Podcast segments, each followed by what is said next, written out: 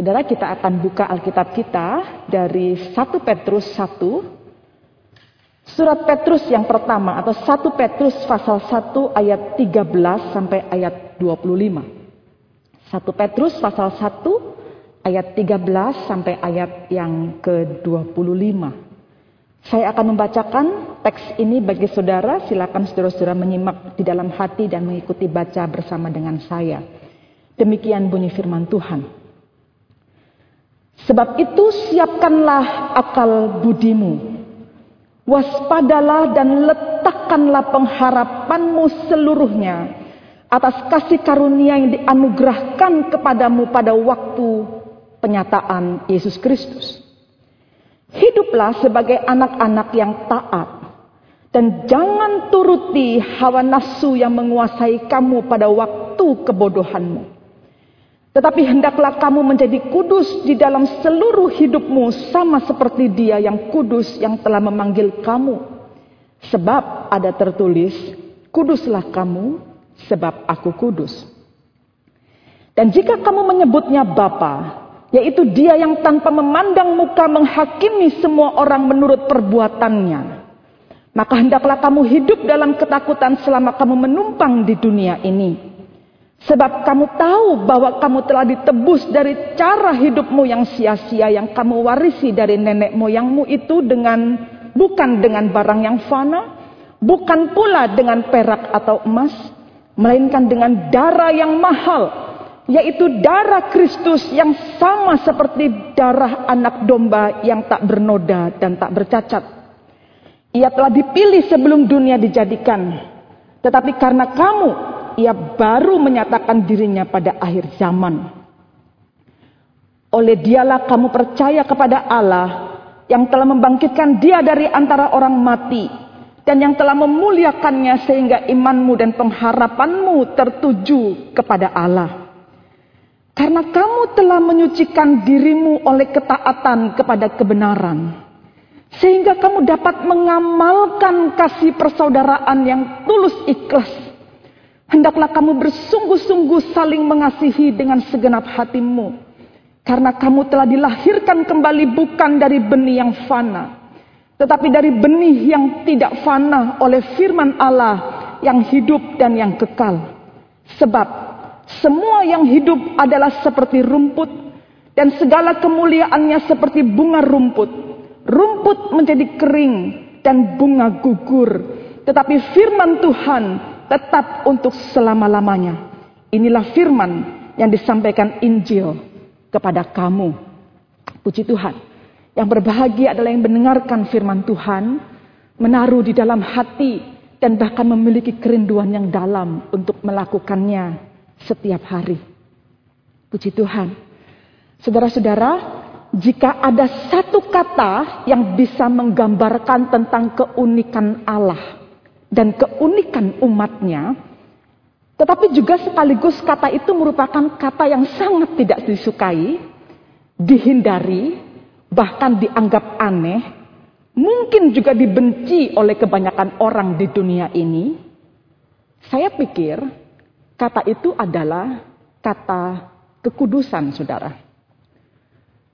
Baik orang Kristen ataupun yang di luar sana mungkin tidak terlalu peduli dengan kekudusan, katakanlah orang Kristen itu sangat tertekan sekali kalau mendengar kata kekudusan. Baru mendengar loh, bukan melakukan, belum melakukan, baru mendengar sudah merasa tertekan ketika mendengar kata ini. Apalagi di zaman globalisasi seperti sekarang. Banyak orang akhirnya bertanya, apakah masih relevan bicara tentang kekudusan hidup di tengah zaman yang serba terbuka dan tanpa batas ini. Semuanya gampang diakses, semuanya gampang dilihat, dan semuanya dengan mudah dapat dilakukan. Saudara, celakanya kekudusan itu juga dianggap sebagai sebuah nilai atau idealisme konyol yang mengerangkeng atau memenjarakan kebebasan manusia, entahkah terkait dengan kebebasan berpikir, kebebasan berkehendak, atau kebebasan untuk bertindak. Dan lebih menyedihkan lagi kalau orang-orang Kristen juga banyak yang berpikir seperti ini. Saudara-saudara, sungguh ironi memang ketika kita bicara tentang hal ini dan kemudian kita melihat bahwa keberimanan orang percaya pada saat ini ketika ketika mereka mengatakan bahwa menjaga hidup kudus itu dianggap aneh dan kemudian bicara tentang kekudusan dianggap sok suci, namun kesembronoan hidup dianggap wajar. Ironi ya saudara ya. Tapi kenyataan itu terjadi dalam kehidupan kita sehari-hari. Kita mungkin hanya memikirkan tentang kekudusan yaitu pada saat kita ibadah dipimpin doa pengakuan dosa. Baru kita berpikir, oh ya saya sudah berdosa. Tetapi dalam kenyataan kehidupan sehari-hari itu, kita tidak pernah memikirkannya. Karena konsep ini sepertinya betul-betul kita terpenjara gitu. Seperti terkerangkeng. Nggak bisa melakukan apa-apa hanya karena harus taat pada perintah kekudusan itu. Itu sungguh berat. Saudara-saudara, rupanya pergumulan hidup ya tentang bagaimana orang merasa tidak bebas dengan adanya perintah kekudusan itu, itu bukan hanya menjadi isu di dalam masyarakat yang hidup di dalam zaman globalisasi ini. Tetapi sejak dulu, sejak awal sekali kekristenan itu lahir, orang Kristen terus bergumul dengan apa artinya kekudusan dan menjalankan kekudusan itu. Paling tidak tercatat di dalam bukunya Agustinus, Santo Agustinus yang berjudul Confession. Itu buku yang sangat terkenal sekali pengakuan-pengakuan sudah diterjemahkan di dalam bahasa Indonesia. Di dalam buku ke-8 bab 7 nomor 17 dia mengatakan begini dalam bahasa Latinnya begini saudara. Domini dami danihi sanctitam set nolimodo. Dia menuliskan di dalam bahasa Latin, kemudian diterjemahkan di dalam bahasa Inggrisnya adalah Lord grant me holiness but not yet atau later. Jadi Tuhan anugerahkan kepadaku kekudusan, tetapi jangan sekarang, nanti gitu. Saudara Santo Agustinus ini adalah seorang yang dipanggil oleh Tuhan begitu rupa dari kegelapan hidup yang sangat luar biasa. Dia sendiri mengakui bahwa masa mudanya itu dilalui di jalan yang salah. Dan dia juga tahu bahwa sesungguhnya dia membutuhkan pertolongan Tuhan untuk menyucikan dirinya agar dia memiliki pikiran yang murni dan perbuatan yang benar. Tetapi pada saat yang sama, permohonan doa semacam itu selalu berujung pada not yet, later, nanti bukan sekarang. Jangan sekarang. Artinya dia tidak sanggup menjalankan kehidupan kudus itu pada saat dia mendoakannya untuk Tuhan menganugerahkan kepada dia akan hal itu. Ironi ya saudara, tapi memang doanya orang Kristen itu banyak yang ironi. Minta sama Tuhan, tetapi ya jangan sekarang, karena ini berat gitu. Saudara, artinya secara umum sebenarnya kita tahu bahwa memiliki dan menjaga kekudusan hidup itu penting. Kita tahu by konsep. Kita tahu bahwa doktrin itu ada. Sejak kita kenal Tuhan, kita langsung diperkenalkan kepada hidup kudus ini. Bahkan dalam pikiran kita, kita tahu. Bahkan kita menginginkannya. Ingin sih, tapi nggak bisa. Ingin sih, tapi melanggar lagi. Ingin sih, tetapi jatuh lagi. Saudara, dan kemudian kita mencoba untuk mengexcuse dengan mengatakan apa iya manusia yang masih hidup di dunia ini bisa memiliki kehidupan yang kudus itu. Kita kan masih manusia, kita kan masih hidup dalam daging, Pernyataan ini menjadi legitimasi untuk kita berbuat dosa. Tetapi persoalannya saudara-saudara, kita tahu bahwa kita merindukan atau menginginkan kekudusan itu ketika kita mengatakan seperti Agustus, ya jangan sekarang gitu. Kenapa jangan sekarang? Karena di waktu yang sekarang kita masih memiliki banyak kepentingan. Di waktu sekarang kita masih banyak eh, memiliki keinginan yang didorong oleh hawa nafsu dan kepentingan diri sendiri yang mengikat dan tentu akan menjadi repot sekali kalau pagarnya adalah kekudusan hidup. Jadi berat. Tetapi saudara-saudara, pada kenyataannya Anda suka atau tidak suka, terima atau tidak terima, sifat Allah yang satu ini mutlak harus terjadi pada diri setiap orang percaya yang mengaku percaya kepada Yesus Kristus, yang mengaku bahwa dirinya telah diselamatkan oleh Tuhan, yang mengaku bahwa dirinya telah mengalami pertobatan. Ini menjadi sebuah konsekuensi yang tidak mungkin bisa ditawar atau dihilangkan begitu saja di dalam pengajaran Kristen. Entahkah jemaat menyukai untuk mendengarkannya atau tidak, tetapi ini harus menjadi berita yang terus disampaikan dan diajarkan. Saudara sampai di sini, saya menemukan bahwa jika memahami tuntutan kekudusan diri dengan begitu saja tanpa pemahaman yang sangat komprehensif, maka bisa jadi kita menjalannya seperti orang yang victimized. Seperti orang yang diperdaya gitu. Karena seperti dipaksa untuk menjalankan sesuatu yang teramat sangat berat dan sesungguhnya kita tidak menyukainya. Gitu. Jadi daripada saya victimized, daripada saya merasa terpaksa, ya sudah saya jalani hidup apa yang saya mau saja gitu. Dalam keberimanan kepada Tuhan. Jadi jalan bareng-bareng antara kehidupan yang tidak bisa menjalani kehidupan yang kudus itu dengan keberimanannya kepada Tuhan. And every day, setiap hari kita terus berjalan seperti itu.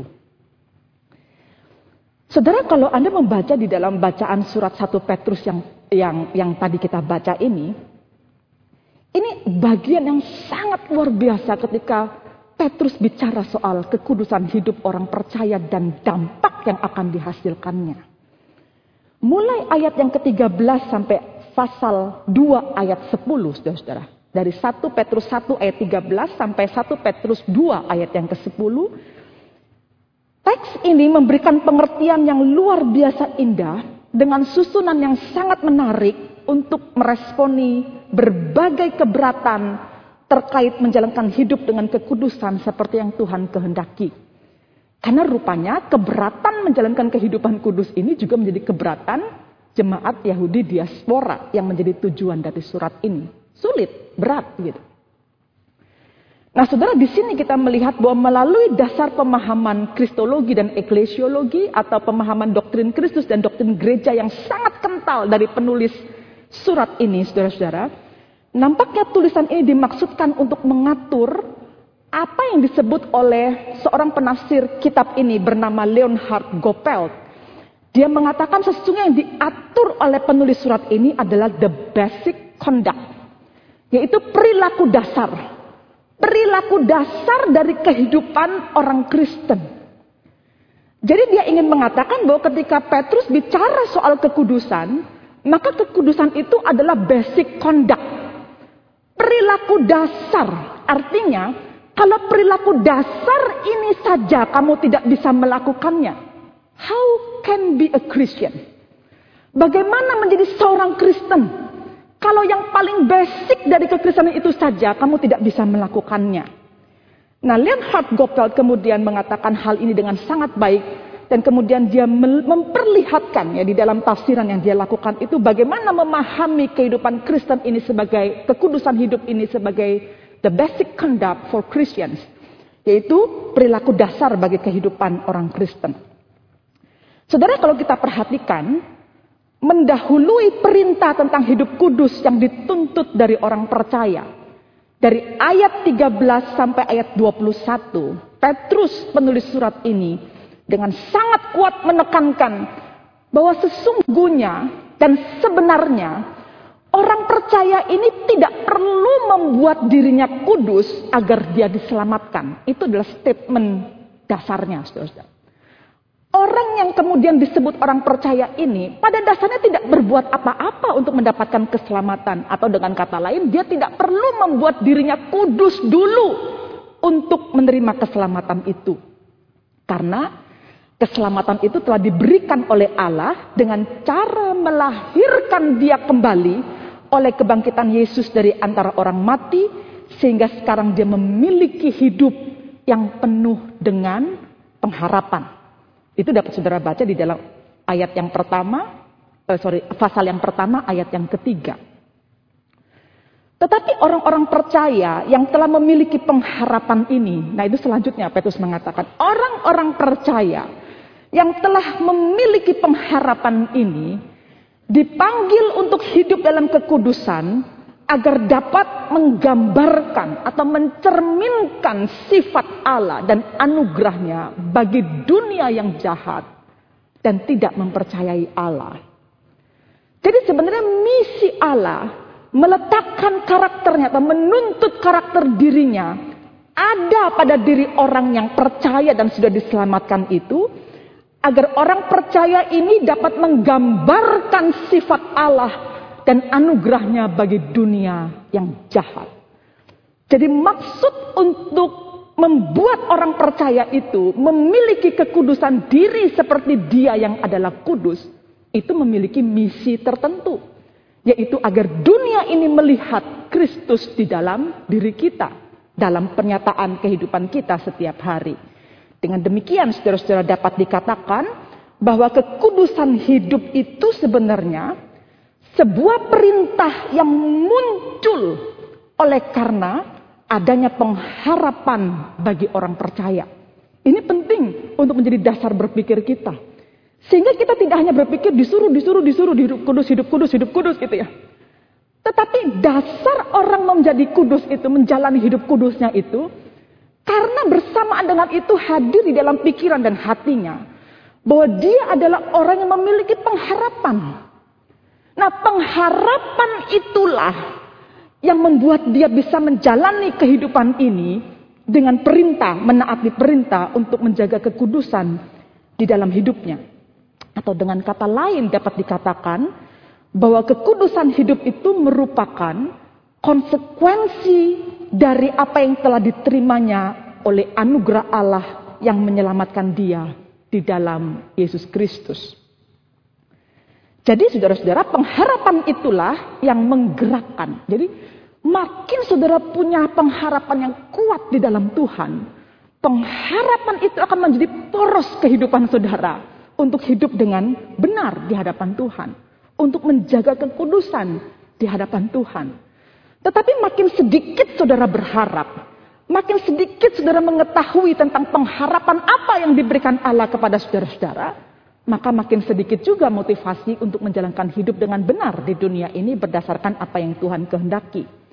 Saudara, pengharapan itulah yang menggerakkan orang percaya ini untuk menjalankan hidupnya dengan benar dan tidak bercemar. Itu Petrus sampaikan di dalam ayat yang keempat dari pasal yang ke satu. Jadi orang percaya memiliki kehidupan yang kudus itu dimotivasi oleh pengharapan dirinya kepada Tuhan yang telah menyelamatkan hidupnya. Saudara dengan dasar pemikiran teologis semacam inilah kemudian ada seorang penafsir lain yang mengatakan demikian. Seorang bernama Edmund Clowney mengatakan begini. Tanpa terlebih dahulu menunjukkan apa yang telah Allah lakukan bagi umat manusia, maka desakan atau tuntutan kekudusan hidup yang ditujukan kepada pendosa yang tidak berdaya hanya akan menjadi perintah yang menghancurkan. Ilusi dari yang memberi perintah dan usaha yang sia-sia dari yang menerima perintah. Artinya memang gak mungkin. Jadi kalau memang tidak ada karya Kristus itu, tanpa terlebih dahulu Allah menunjukkan dan Allah melakukan bagi umat manusia terkait dengan tuntutan kekudusan ini dengan cara menebus kita dengan darahnya yang mahal itu, memungkinkan kita menjadi umat yang berpengharapan, maka perintah kekudusan hidup itu adalah kehancuran bagi orang yang menerimanya. Ilusi bagi yang memberi perintah dan kesia-siaan dari yang menerima perintah. Untuk apa? Tetapi oleh karena kita telah diberi dan memiliki pengharapan itu, maka jika kita dipanggil untuk berpadanan dengan pengharapan itu, tentulah menjadi sangat masuk akal. Karena Allah telah mempersiapkan segala sesuatunya bagi kita. Bahkan Allah meletakkan potensi untuk memiliki kehidupan yang kudus itu di dalam diri kita setelah dia menebus kita dari dosa. Saudara, melalui kematian yang di kayu salib. Makanya Petrus mengatakan kamu itu ditebus bukan dengan barang yang fana. Bukan dengan emas, bukan dengan perak, bukan dibayar dengan logam itu. Tetapi kamu dibayar dengan darahnya yang mahal. Kamu dibayar dengan hidupnya yang sangat mulia itu. Yang memungkinkan kemudian kita bisa menjalani hidup dalam pengharapan. Dan menjalankan hidup seperti yang Tuhan mau. Yaitu memiliki karakter Kristus yang satu ini di dalam diri kita. Maka berkali-kali Alkitab menjelaskan dan bahkan Petrus berulang kali mengatakan bahwa hidup kudus itu adalah panggilan. Itu bukan sekedar perintah, tetapi it's a calling. Itu adalah panggilan dari orang yang telah menerima keselamatan dari Allah. Saudara sampai di sini kita dapat memahami bahwa memang realitas cinta kasih yang dinyatakan Allah melalui penebusan Kristus atas dosa dan kejahatan kita itu sajalah yang membuat panggilan untuk menjadi kudus merupakan keniscayaan atau merupakan sesuatu yang pasti dapat dilakukan. Saudara, keyakinan inilah yang kemudian membawa penulis surat ini dari sejak awal di ayat 13 yang kita baca itu ya, mengatakan demikian. Siapkanlah akal budimu, katanya. Prepare your minds for action. Itu terjemahan yang lebih gampang untuk diterima. Yaitu, siapkanlah akal budimu. Tetapi kalau saudara membaca ya dalam King James Version atau uh, terjemahan yang sebenarnya lebih mendekati dengan bahasa aslinya Yunani. Di dalam King James Version itu dituliskan begini, saudara. Gear up the loins of your mind, katanya. Gear up the loins of your mind. Loins itu kan pinggang, ya, saudara ya. Gear itu adalah siap-siap gitu. Jadi apa sih maksudnya istilah ini gitu? Saudara gambarannya adalah seperti Orang-orang Yahudi itu kan biasanya kalau dalam keseharian pun cara berpakaian mereka itu kan pakai jubah yang panjang ya saudara ya. Jubah yang panjang itu adalah pakaian keseharian mereka. Nah tetapi biasanya kalau mereka mau siap-siap untuk bekerja, maka dia akan hubungkan ujung jubah bagian depan dengan ujung jubah bagian belakangnya untuk disatukan, kemudian diangkat lalu diselipkan di pinggangnya gitu. Jadi nanti bentuknya jubah itu seperti celana untuk kerja. Celana setengah tiang gitu untuk kerja karena dia sudah hubungkan yang bagian ujung depan, ujung belakang, lalu dia tarik untuk dia selipkan di pinggang. Itulah maksudnya geared up the loins. Artinya siap-siap untuk kerja gitu.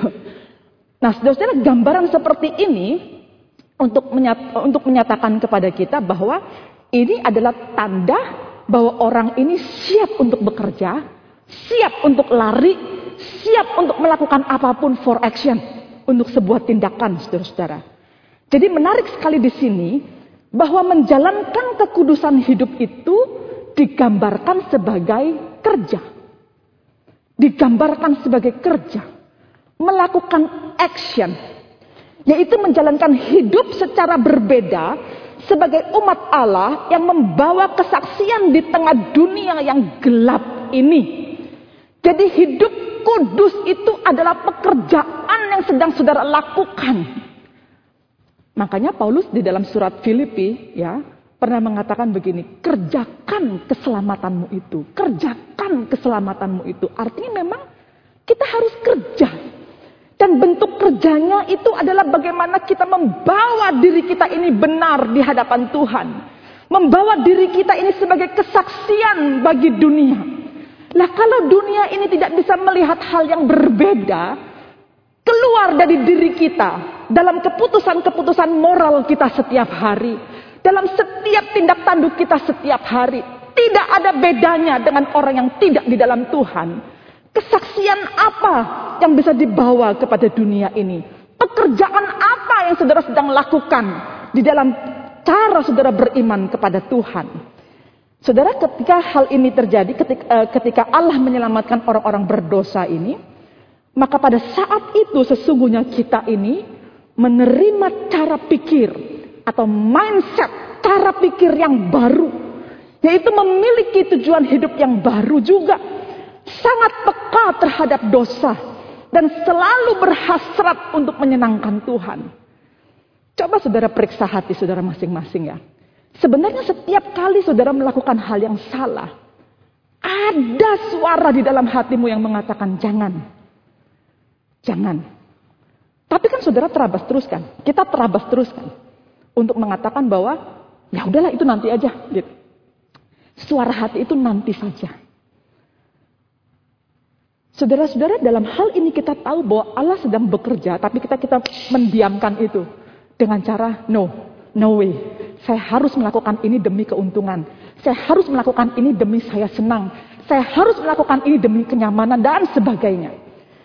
Saudara-saudara, pada akhirnya kita bisa tahu bahwa apa yang kita lakukan itu tidak benar, tapi kita jalan terus oleh karena keinginan atau hasrat diri kita jauh melampaui kerinduan kita untuk mengerjakan apa yang Tuhan inginkan untuk kita lakukan di dunia ini. Saudara, dengan demikian kehidupan orang percaya itu sesungguhnya setelah Tuhan memberikan mindset yang baru, cara pikir yang baru, tujuan hidup yang baru. Kehidupan orang percaya itu sesungguhnya memiliki kualitas ilahi. Memiliki kualitas Allah di dalam dirinya yang sangat mempengaruhi seluruh perilaku kehidupannya setiap hari. Nah, perubahan ini, saudara-saudara, bukan hanya berdampak secara internal, kata Petrus. Bukan cuma kelihatan kamu menjadi baik, kamu memiliki karakter Kristus, bukan hanya itu. Tetapi dampaknya ini ya sangat besar sekali. Perilaku, sikap, tindakan yang murni itu akan dirasakan secara kuat kata Paul, kata Petrus dalam hubungan mereka dengan sesama atau dalam ikatan tali persaudaraan di antara mereka. Ini menarik sekali. Di ayat 22 Paulus Petrus mengatakan begini. Karena kamu telah menyucikan dirimu oleh ketaatan kepada kebenaran.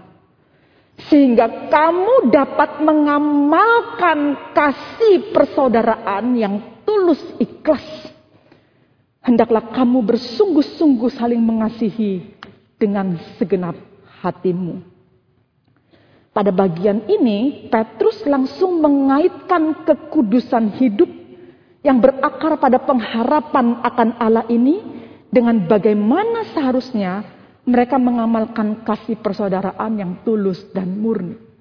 Saya rasa jarang ada penulis atau bahkan Eh, kita jarang menemukan kekudusan hidup itu dihubungkan dengan tali persaudaraan ya saudara. Atau hubungan antara sesama. Biasanya kekudusan hidup itu diajarkan secara internal kamu membangun kekudusan hidupmu ini supaya dirimu menjadi serupa dengan Kristus. Tapi Petrus melihat yang lebih jauh dari itu. Bahwa sesungguhnya kekudusan hidupmu ini akan memiliki dampak yang sangat besar dalam hubunganmu dengan sesama, dalam mengikat tali persaudaraanmu di, di antara mereka semua jemaat itu. Nah, di dalam bagian ini Saudara-saudara sangat menarik apa yang tertulis dalam sebuah commentary yaitu Life Application Bible Commentary ini uh, apa itu commentary yang sangat praktis sekali dan salah pada bagian ini ya uh, penafsir ini mengatakan begini. This is one of the strongest statements of brotherly love in the New Testament. For it virtually makes brotherly love the goal of our conversion katanya. Dia katakan teks ini di ayat 22 tadi itu adalah salah satu kalimat tentang kasih persaudaraan yang sangat kuat tertulis dalam perjanjian baru. Karena sesungguhnya ini memperlihatkan untuk kita bisa melihat bahwa brotherly love atau tali persaudaraan di antara kita ini merupakan the goal of our conversion, yaitu merupakan tujuan dari pertobatan kita. Hebat ya saudara ya. Bahwa sesungguhnya cerminan tali persaudaraan di antara sesama orang percaya itu merupakan tujuan dari pertobatan kita. Saudara melalui tulisan dalam surat ini kemudian kita melihat bagaimana Petrus berharap bahwa pertumbuhan kita dalam kemurnian dan kekudusan itu harus dapat menghasilkan kasih persaudaraan yang sangat dalam, terutama di antara sesama orang percaya, tetapi juga seharusnya berdampak kepada orang-orang yang belum percaya sebagai kesaksian tentang Kristus melalui hidup kita. Jadi meskipun saudara-saudara dalam dalam setiap relasi, dalam setiap keterhubungan kita antara kita dengan sesama ini akan banyak diwarnai dengan perbedaan. Akan banyak diwarnai dengan ketidaksepakatan. Tetapi harusnya kita masih tetap bisa mengasihi sesama dan saudara kita itu dengan tulus, dengan murni, dengan dalam. Karena ukuran kasih yang kita berikan bukan berasal dari diri kita sendiri. Tetapi dari cinta kasih Kristus yang terus bekerja dan mendorong kita agar kita semakin dapat menunjukkan kasih persaudaraan itu yang tulus itu, saudara. Nah itu sebabnya Petrus menegaskan bahwa kasih persaudaraan itu harus muncul dari kekudusan hidup orang percaya yang dihasilkan oleh penebusan Kristus dengan darahnya yang mahal itu. Kalau tidak, maka hubungan satu sama lain, meskipun sesama orang percaya, jika tidak didasari dengan kekudusan hidup yang dihasilkan oleh darah Kristus yang mahal itu, maka hubungan itu adalah hubungan yang palsu. Hubungan yang tidak berdasar. Hubungan yang hanya disatukan oleh karena kita ada di dalam satu perkumpulan. That's all, itu saja. Jadi apabila kita suka kita akan bersama-sama, kita nggak suka ya kita pisah begitu. Tetapi konsep berhubungan seperti ini itu jauh dari apa yang Tuhan harapkan dan apa yang sesungguhnya dikatakan, mari kerjakan keselamatanmu itu. Mari lakukan yang terbaik dalam hidupmu ini dengan benar. Dan itu akan tercermin dalam kasih persaudaraan di antara kamu. Saudara, jika kasih persaudaraan didasarkan pada kasih Allah yang telah menyelamatkan dan menguduskan kita, bahkan memberi pengharapan kepada kita, masih adakah alasan yang lebih kuat untuk kita tidak mengasihi sesama kita, meskipun mungkin kita merasa disakiti, meskipun mungkin kita merasa dikecewakan? Bahkan kepada musuh pun Tuhan katakan kasih dia. Itu kan susah. Tetapi orang yang telah dikuduskan oleh Tuhan. Dan orang yang mau menjalankan kekudusan itu sebagai sebuah kerja. Dia akan lakukan itu. Apa pun konsekuensinya. Karena dia tidak meletakkan hubungan itu pada harga dirinya. Tetapi pada harga yang sangat mahal. Yang telah Yesus Kristus lakukan kepada kita. Sayang sekali saudara, padahal Alkitab mengajarkan begitu banyak hal terkait antara kekudusan hidup dan tali persaudaraan. Dan bagaimana kita dipanggil untuk memiliki kekudusan hidup ini. Namun gereja tidak memeliharanya dengan baik. Kalau saya bisa ceritakan sedikit ya, menutup khotbah ini. Para ahli sejarah gereja itu mengatakan bahwa di sepanjang abad gereja itu terus bergumul dengan skisma atau disunity atau perpecahan. Paling tidak yang sangat kuat sejak awal-awal abad itu, ya, dari abad awal uh, early church ya dari uh, apa tuh gereja mula-mula sampai pertengahan katakanlah perpecahan antara gereja barat dengan gereja timur itu luar biasa hebat Saudara. Sampai sekarang kita tidak pernah tahu bahwa ada Kristen dengan model timur seperti yang di Syria dan sebagainya. Kita nggak merasa itu bagian dari kekristenan gitu, ortodoks gitu ya. Karena itu karena skisma ini gitu. Jadi tindakan antara gereja timur dengan gereja barat ini saling melakukan ekskomunikasi namanya. Ekskomunikasi itu pengusiran satu sama lain. Artinya memutuskan hubungan tanpa mau menerima satu dengan yang lain. Ekskomunikasi. Mengusir memutuskan hubungan dan tidak berkomunikasi. Perpecahan itu begitu tajam dan memuncak di tahun 1054. Jadi di dalam sejarah gereja, tahun 1054 itu disebut sebagai The Great Schism. Yaitu skisma yang sangat besar, perpecahan yang sangat besar. Yang akhirnya memutuskan hubungan antara gereja barat dengan gereja timur. Saudara-saudara, dan itu efeknya terus berkelanjutan dan panjang. Dan menjadi perang dan saling bunuh satu dengan yang lain. Ini cerita yang sangat menyedihkan tentang gereja. Yang pada akhirnya perpecahan semacam ini terus muncul dalam konteks yang lebih kecil. Sampai hari ini. Dalam tulisan sejarah gereja itu, di akhir sejarah ini, dia, dia menuliskan tentang sejarah ini, penulis ini mengatakan begini. Hai gereja, apa yang sebenarnya kau cari? Hai gereja, apa yang sebenarnya kau cari? Saudara kita harus menjawab pertanyaan ini bukan sebagai gereja. Kan pribadi-pribadi orang Kristen ini kan gereja. Apa sebenarnya yang kita cari? Saudara bukankah kalau kita bisa melakukan apa yang kita mau lakukan seperti yang Tuhan perintahkan. Dan bahkan seperti yang doa Yesus pernah lakukanlah. Bahwa Yesus pernah berdoa supaya umat percaya ini menjadi satu sama seperti kita, aku dan Bapa adalah satu. Saudara, bukankah ini satu sebuah pernyataan penting untuk kita pahami? Bahwa menjadi satu atau menjadi unity di antara orang percaya itu adalah harapannya Tuhan atas keselamatan yang dia berikan kepada kita, bukan? Kalau kita bisa melihat hal ini dengan baik, maka kita tahu bahwa mengupayakan kesatuan ini di dalam jemaat, mengupayakan tali persaudaraan di antara jemaat, itu adalah refleksi dari kekudusan hidup orang percaya. Yang bersumber dari penebusan Kristus atas kita. Saudara kiranya firman Tuhan ini memberikan ingatan kepada kita. Untuk apa kita ini dipanggil di tengah dunia ini?